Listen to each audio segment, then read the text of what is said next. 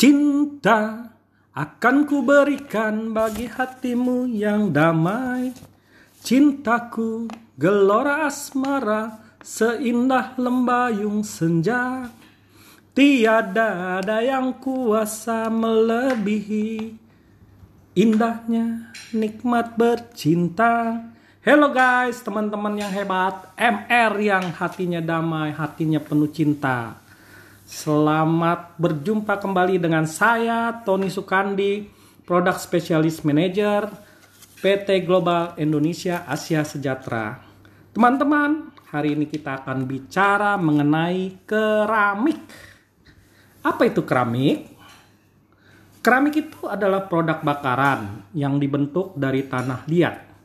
Sudah sejak zaman dulu ada gelas keramik, ada piring keramik, mangkok keramik, tempat air yang terbuat dari keramik. Bahan utamanya adalah tanah liat dan bubuk batu serta campuran lainnya.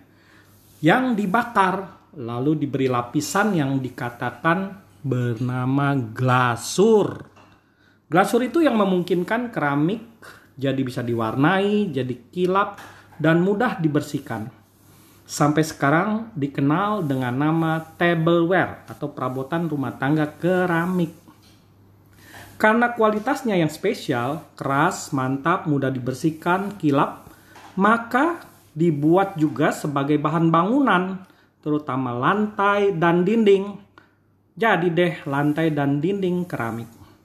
Oke, sekarang kita bicara tentang keramik bahan bangunan.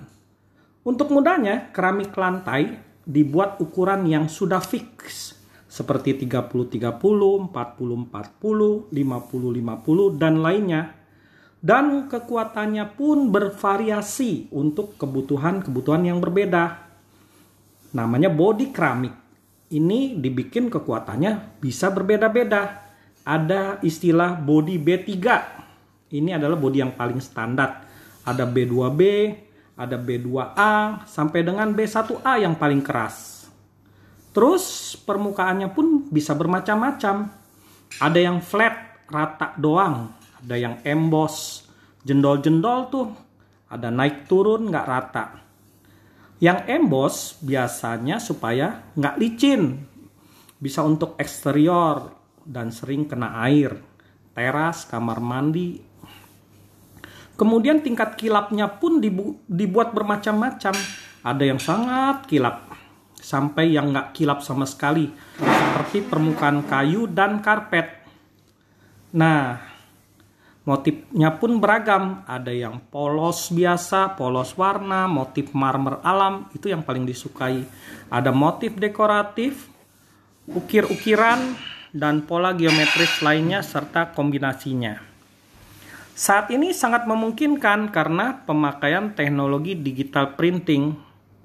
Jadi keramik ada lima hal ya, ada ukurannya, ada kualitas body, ada permukaannya flat atau emboss, ada kekilapannya, dan ada motifnya.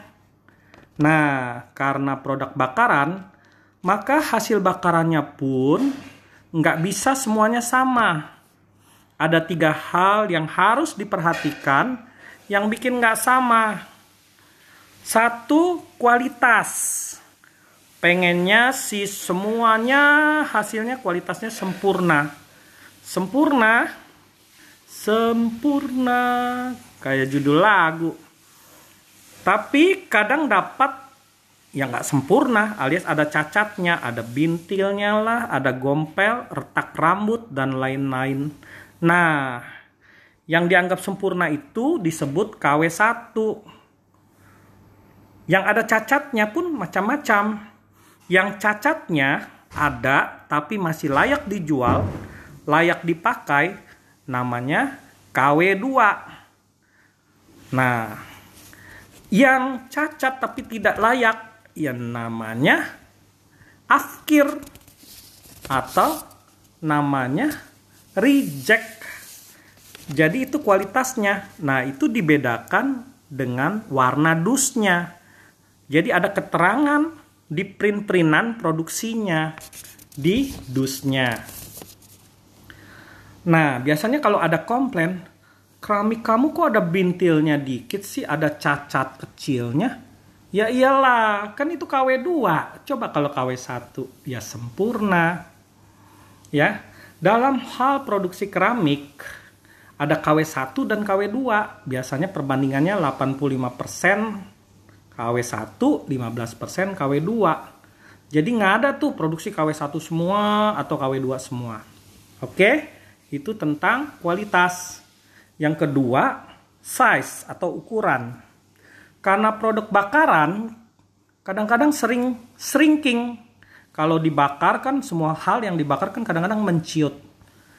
Nah, karena ada bahannya yang berbeda, mungkin panas, ada faktor-faktor lain, ukurannya bisa jadi nggak sama. Jadi ada size-nya, kayak baju kita. Ada size S, M, L, atau XL.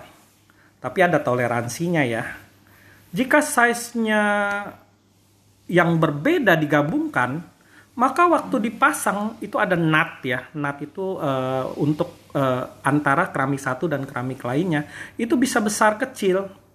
Kagak sama karena memang keramiknya ukurannya ada beda dikit.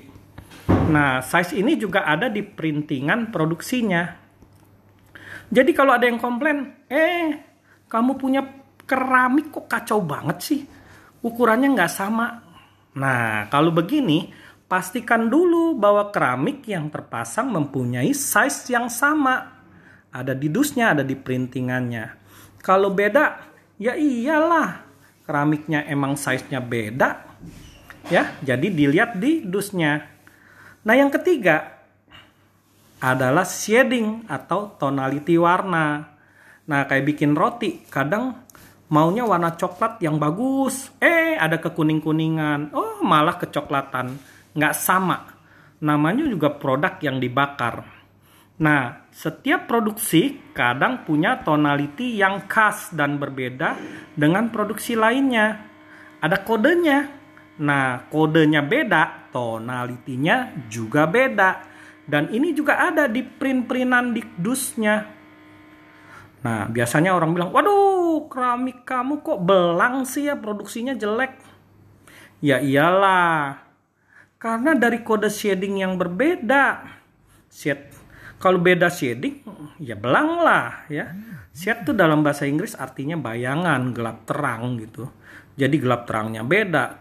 Kecenderungan warnanya juga ada yang bluish, kehijauan, yellowish, kekuningan, greenish, kehijau-hijauan. Nah, kalau teman-teman MR hebat, kalau lihat duit mungkin juga jadi greenish ya. Jadi uh, untuk keramik ada tiga ya, ada KW, ada size, ada shading atau shade yang ada di print-printannya. Keramik itu industri yang sudah lama ya. Jadi untuk ngirim biasanya diikat per palet. 40-40 diikat per box, per palet ya. 80 box ya kalau 40-40. Ya, 50-50 juga diikat per palet jadi 80 box. Satu box tuh 1 meter persegi. Nah, ya. Kalau dari pabrik dalam satu palet itu pasti satu KW. Misalnya KW 1, KW 1 semua. Satu side. Kalau SS semua, MM semua, LL semua. Satu shading, nomor serinya pasti sama semua. Itu sekilas tentang keramik secara umum. Nah, lalu Jinet gimana nih? Ya, Jinet Keramik itu ada mulainya tahun 2017. Kita itu OIM atau maklon dari Mulia Keramik. Artinya merek kita punya, Gias punya, produksinya di Mulia. Mulia saat ini adalah pabrik keramik yang terbesar di Indonesia. Secara value for money ini sangat layak, worth it. Nah, sekarang produk Jinet bermacam-macam motifnya ada 30-30 putih, 40-40 putih, 50-50 putih, 40-40 marble, dan lain-lainnya. Nah, karena saya ikut dari awal Jinet Keramik, motif itu saya yang kasih nama loh. Ada awan, ya awan, seperti awan-awan gitu. Lin lah, lin itu eh, dasarnya line, bahasa Inggris artinya garis gitu. Jadi motifnya motif garis-garis gitu. Rainy kayak hujan gitu ya. Hujan badai kali ya. Cortesia itu dalam bahasa Itali artinya kulit kayu. Ada batuta. Batuta itu batu sama bata digabungin batuta. Jadi memang motifnya adalah batu bata. Trapper. Trapper itu dari kata trapertin. Yaitu uh, motif marmer alam yang melegenda. Yang motifnya mirip. Ya jadi diambil trappernya aja. Jadi itulah produk keramik cinet kita. Jadi ingat ya, ada KW 12 size SML, shading nomor seri, ada di dusnya.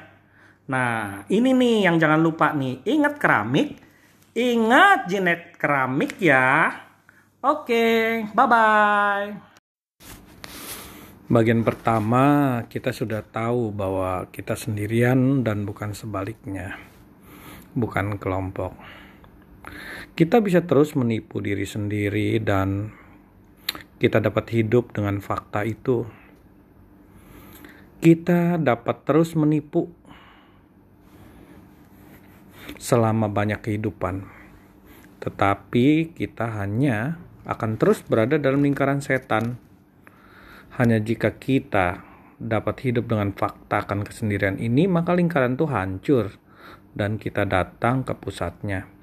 Pusat itu adalah pusat dari keilahian dari keseluruhan semesta, dari yang suci. Kita tidak dapat membayangkan suatu waktu ketika setiap manusia akan dapat mencapai ini sebagai hak lahirnya. Hal itu tidak mungkin. Kesadaran selalu bersifat individu, hanya ketidaksadaranlah yang kolektif. Manusia telah sampai ke titik kesadaran di mana mereka telah menjadi individu tidak ada manusia seperti itu. Yang ada adalah individu-individu manusia. Setiap manusia harus menyadari individualitasnya sendiri dan tanggung jawab atas hal itu. Jadi hal pertama yang harus dilakukan adalah menerima. Menerima kesendirian sebagai fakta dasar dan belajar untuk hidup bersamanya. Kita tidak harus menciptakan khayalan apa pun. Jika kita menciptakan khayalan, kita tidak pernah mengetahui kebenaran. Khayalan adalah kebenaran yang diproyeksikan, diciptakan, dipelihara, yang mencegah kita untuk mengetahui kebenaran yang hakiki. Hiduplah dengan fakta dari kesendirian kita jika kita hidup dengan kenyataan ini, jika kita jika tidak ada hayalan lagi di antara kita dan fakta, maka kebenaran akan terungkap. Setiap fakta jika dilihat dengan mendalam mengungkapkan kebenaran. Jadi hiduplah dengan fakta akan tanggung jawab dengan kenyataan bahwa kita sendirian. Jika kita dapat hidup dengan fakta itu, ledakan akan terjadi. Ini sulit, tapi ini adalah satu-satunya cara. Melalui kesulitan, melalui penerimaan, kita mencapai titik ledakan. Hanya dengan begitu, maka ada kebahagiaan sejati. Jika pencerahan diberikan kepada kita siap pakai, pencerahan kehilangan maknanya kita tidak memiliki kemampuan untuk merasakan kebahagiaannya. Kemampuan untuk merasakan kebahagiaannya datang hanya dari disiplin.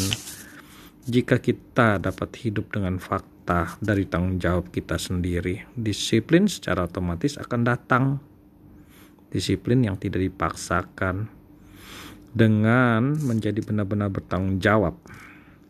Kita tidak bisa loh selain kita harus disiplin tapi disiplin itu bukanlah sesuatu yang dipaksakan dari luar. Disiplin datang dari dalam karena tanggung jawab total yang kita pikul sendiri. Setiap langkah yang kita ambil adalah disiplin. Kita tidak bisa mengucapkan bahkan satu kata yang tidak bertanggung jawab. Kita harus menyadarinya jika kita menyadari kesendirian, kita akan menyadari penderitaan orang lain juga. Maka kita tidak akan dapat melakukan satu pun tindakan yang tak bertanggung jawab karena kita akan merasa bertanggung jawab tidak hanya untuk diri sendiri tapi juga untuk orang lain. Jika kita dapat hidup dengan fakta tentang kesendirian, kita tahu bahwa semua orang juga kesepian. Semua orang juga sendirian. Kemudian sang anak tahu bahwa ayahnya itu kesepian, ibunya tahu suaminya kesepian, suaminya tahu istrinya kesepian, begitu juga kita tahu jadi setelah kita tahu semua, kita nggak mungkin nggak berbelas asih, kita akan sayang. Hidup dengan kenyataan adalah satu-satunya untuk mencapai kesatuan. Satu-satunya disiplin. Begitu kita sepenuhnya sadar akan situasi manusia, kita menjadi religius kita menjadi tuan atas diri kita sendiri. Namun kesederhanaan yang datang itu bukan kesederhanaan seorang petapa, kesederhanaan yang tidak dipaksakan, tidak buruk, kesederhanaan yang indah. Kita merasa bahwa itu ada satu-satunya hal yang mungkin bahwa kita tidak bisa melakukan yang sebaliknya. Maka kita meninggalkan kebendaan kita menjadi tidak posesif terhadap benda-benda, terhadap rasa kepemilikan. Dorongan untuk memiliki adalah dorongan untuk tidak menjadi sendirian. Seorang tidak bisa sendirian jika ia mencari teman, tapi sahabat dengan orang lain itu tidak dapat diandalkan. sehingga ia mencari sebagai gantinya persahabatan dengan benda-benda. Untuk hidup dengan seorang istri mungkin lebih sulit. Untuk hidup dengan sebuah mobil mungkin nggak terlalu begitu sulit. Jadi pada akhirnya kepemilikan ditujukan pada benda-benda.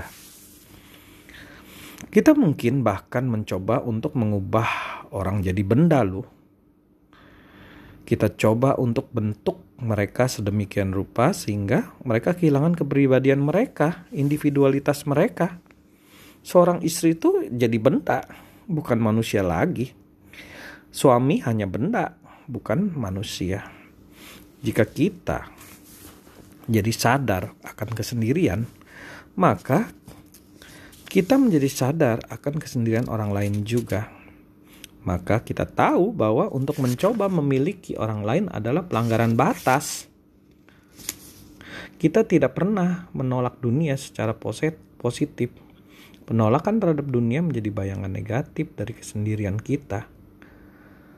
Kita menjadi tidak posesif tanpa rasa kepemilikan. Nggak punya apa-apa lah gitu.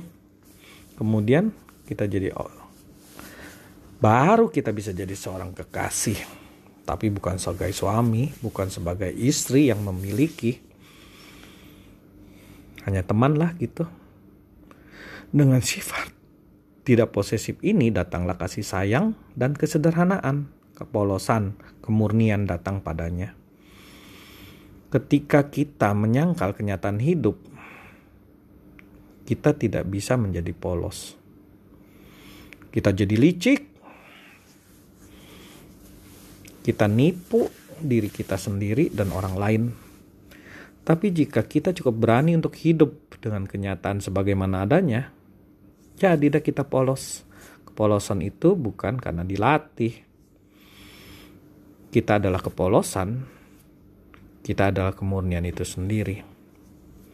Bagiku untuk menjadi polos, menjadi murni adalah satu-satunya yang harus dicapai jadi, jadilah polos dan keilahian selalu mengalir dengan bahagia kepada kita. Kepolosan adalah kemampuan untuk menerima, untuk menjadi bagian dari yang ilahi. Jadilah polos. Dan tamu itu akan datang, jadilah tuan rumahnya. Kepolosan ini tidak dapat dilatih karena pelatihan sifatnya selalu buatan. Itu diperhitungkan. Tapi kepolosan tidak dapat dihitung itu tidak mungkin. Kepolosan itu adalah kereligiusan. Untuk jadi polos adalah puncak dari kesadaran sejati. Tapi kepolosan yang sejati datang hanya melalui sebuah revolusi kesadaran. Tidak mungkin melalui evolusi kolektif mana pun dan tidak disadari. Manusia sendirian, dia bebas untuk memilih surga atau neraka, hidup atau mati, sukacita dari kesadaran atau penderitaan, dari apa yang kita sebut dengan hidup. Sartre pernah berkata, manusia dikutuk untuk menjadi bebas. Kita boleh milih surga atau neraka. Bebas berarti kebebasan untuk milih. Salah satunya loh jika kita dapat milih hanya surga doang, maka itu bukan pilihan. Itu bukan kebebasan. Surga tanpa pilihan neraka akan menjadi neraka itu sendiri. Pilihan selalu berarti salah satunya. Itu bukan berarti kita bebas untuk memilih yang baik saja. Maka tidak akan ada kebebasan.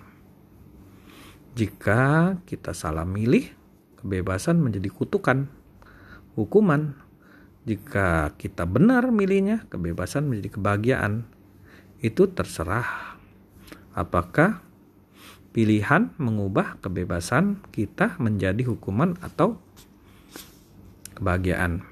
Pilihan itu benar-benar tanggung jawab kita. Jika kita siap, maka dari kedalaman diri kita sebuah dimensi baru dapat dimulai. Dimensi revolusi evolusi sudah mati. Sekarang revolusi diperlukan untuk membuka diri kita kepada keadaan yang melampaui segala sesuatu. Ini adalah revolusi individu, revolusi batin.